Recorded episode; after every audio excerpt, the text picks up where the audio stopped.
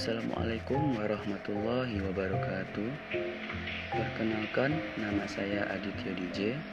Saya berasal dari Universitas Negeri Padang dengan prodi Perpustakaan dan Ilmu Informasi. Di sini saya mengambil mata kuliah Manajemen Koleksi yang diampu oleh Pak Angga Hadiah Purwa. Pada kesempatan kali ini, saya akan membahas sedikit mengenai judul podcast ini, yaitu kebijakan dalam pengembangan koleksi di perpustakaan. Kebijakan pengembangan koleksi ini adalah suatu komitmen yang merujuk pada cara pengembangan koleksi yang telah disetujui oleh pihak-pihak yang bertanggung jawab. Kegiatan ini juga terikat pada lima azas, yaitu relevan, fokus on user, kelengkapan, mutakhir, dan kerjasama. Mengenai pertanyaan pertama yaitu, kebijakan adalah panduan dalam bertindak. Menurut saya, kebijakan merupakan suatu cara dalam mewujudkan tujuan yang ingin dicapai. Karena kebijakan akan berisi tentang aturan-aturan atau dapat berisi tentang pedoman. Apabila suatu organisasi memiliki kebijakan yang baik, dan anggota dalam organisasi tersebut dapat mewujudkannya, maka tujuan dari organisasi tersebut juga akan tercapai dengan baik. Pertanyaan kedua, mengenai pendapat tentang hak-hak staf menurut Bryson Joe pada tahun 1999. Dengan kebijakan, kita dapat menyusun solusi dan memahami pendapat orang lain. Kebijakan berpengaruh dalam masa depan organisasi dan memprioritaskan kebijakan dalam mengambil keputusan. Dapat menyesuaikan kebijakan dengan anggota dan mengukur efektivitas dari kebijakan tersebut. Dapat mencari solusi yang benar dan kebijakan menjadi acuan dalam mengambil keputusan. Orang di luar organisasi juga akan memahami dan juga akan tahu dari tujuan organisasi tersebut. Staf akan senang dengan kebijakan yang juga menguntungkan pada dirinya dan staf dalam organisasi pun akan bekerja dengan baik di dalam suatu organisasi. Lanjut pada pertanyaan ketiga,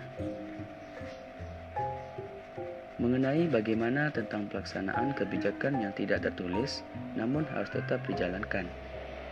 Menurut saya, kebijakan yang disampaikan baik secara tertulis maupun tidak tertulis harus tetap dijalankan dengan baik karena memang tidak semua kebijakan dapat berupa bentuk yang tertulis, tetapi juga ada kebijakan yang berupa tidak tertulis.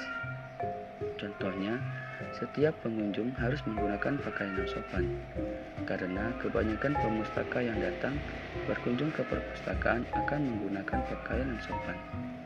Walaupun juga ada yang menggunakan pakaian yang tidak sesuai dengan lingkungan perpustakaan.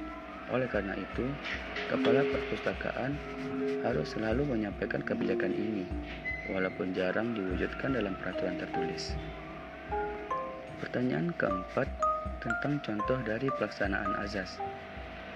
Contoh dari azas berorientasi kepada kebutuhan pengguna seperti menyediakan koleksi yang sesuai dengan minat atau sesuai dengan yang dibutuhkan oleh pemustaka. 2 Contoh asas kelengkapan koleksi yaitu menyediakan informasi lain dalam suatu koleksi yang berguna untuk menguatkan informasi yang terdapat dalam bahan koleksi tersebut yang dapat berupa seperti tambahan artikel. Pertanyaan terakhir mengenai rancangan kebijakan pada pengembangan koleksi. Menurut saya, seharusnya dalam perpustakaan memiliki kekuatan yang besar dalam koleksinya. Maksudnya adalah Koleksi tersebut memiliki informasi yang banyak dan dapat digunakan oleh pemustaka yang membutuhkan. Perpustakaan pun juga harus bisa menyesuaikan dengan perkembangan dari pemustaka.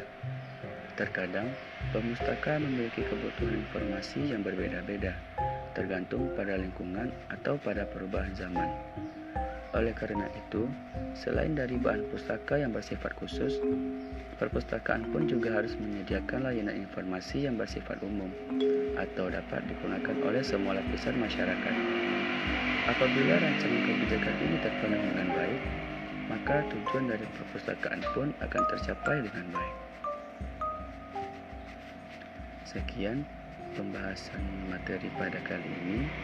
Semoga bermanfaat pada terutama pada diri saya sendiri dan juga kepada teman-teman. Sekian dari saya. Assalamualaikum warahmatullahi wabarakatuh.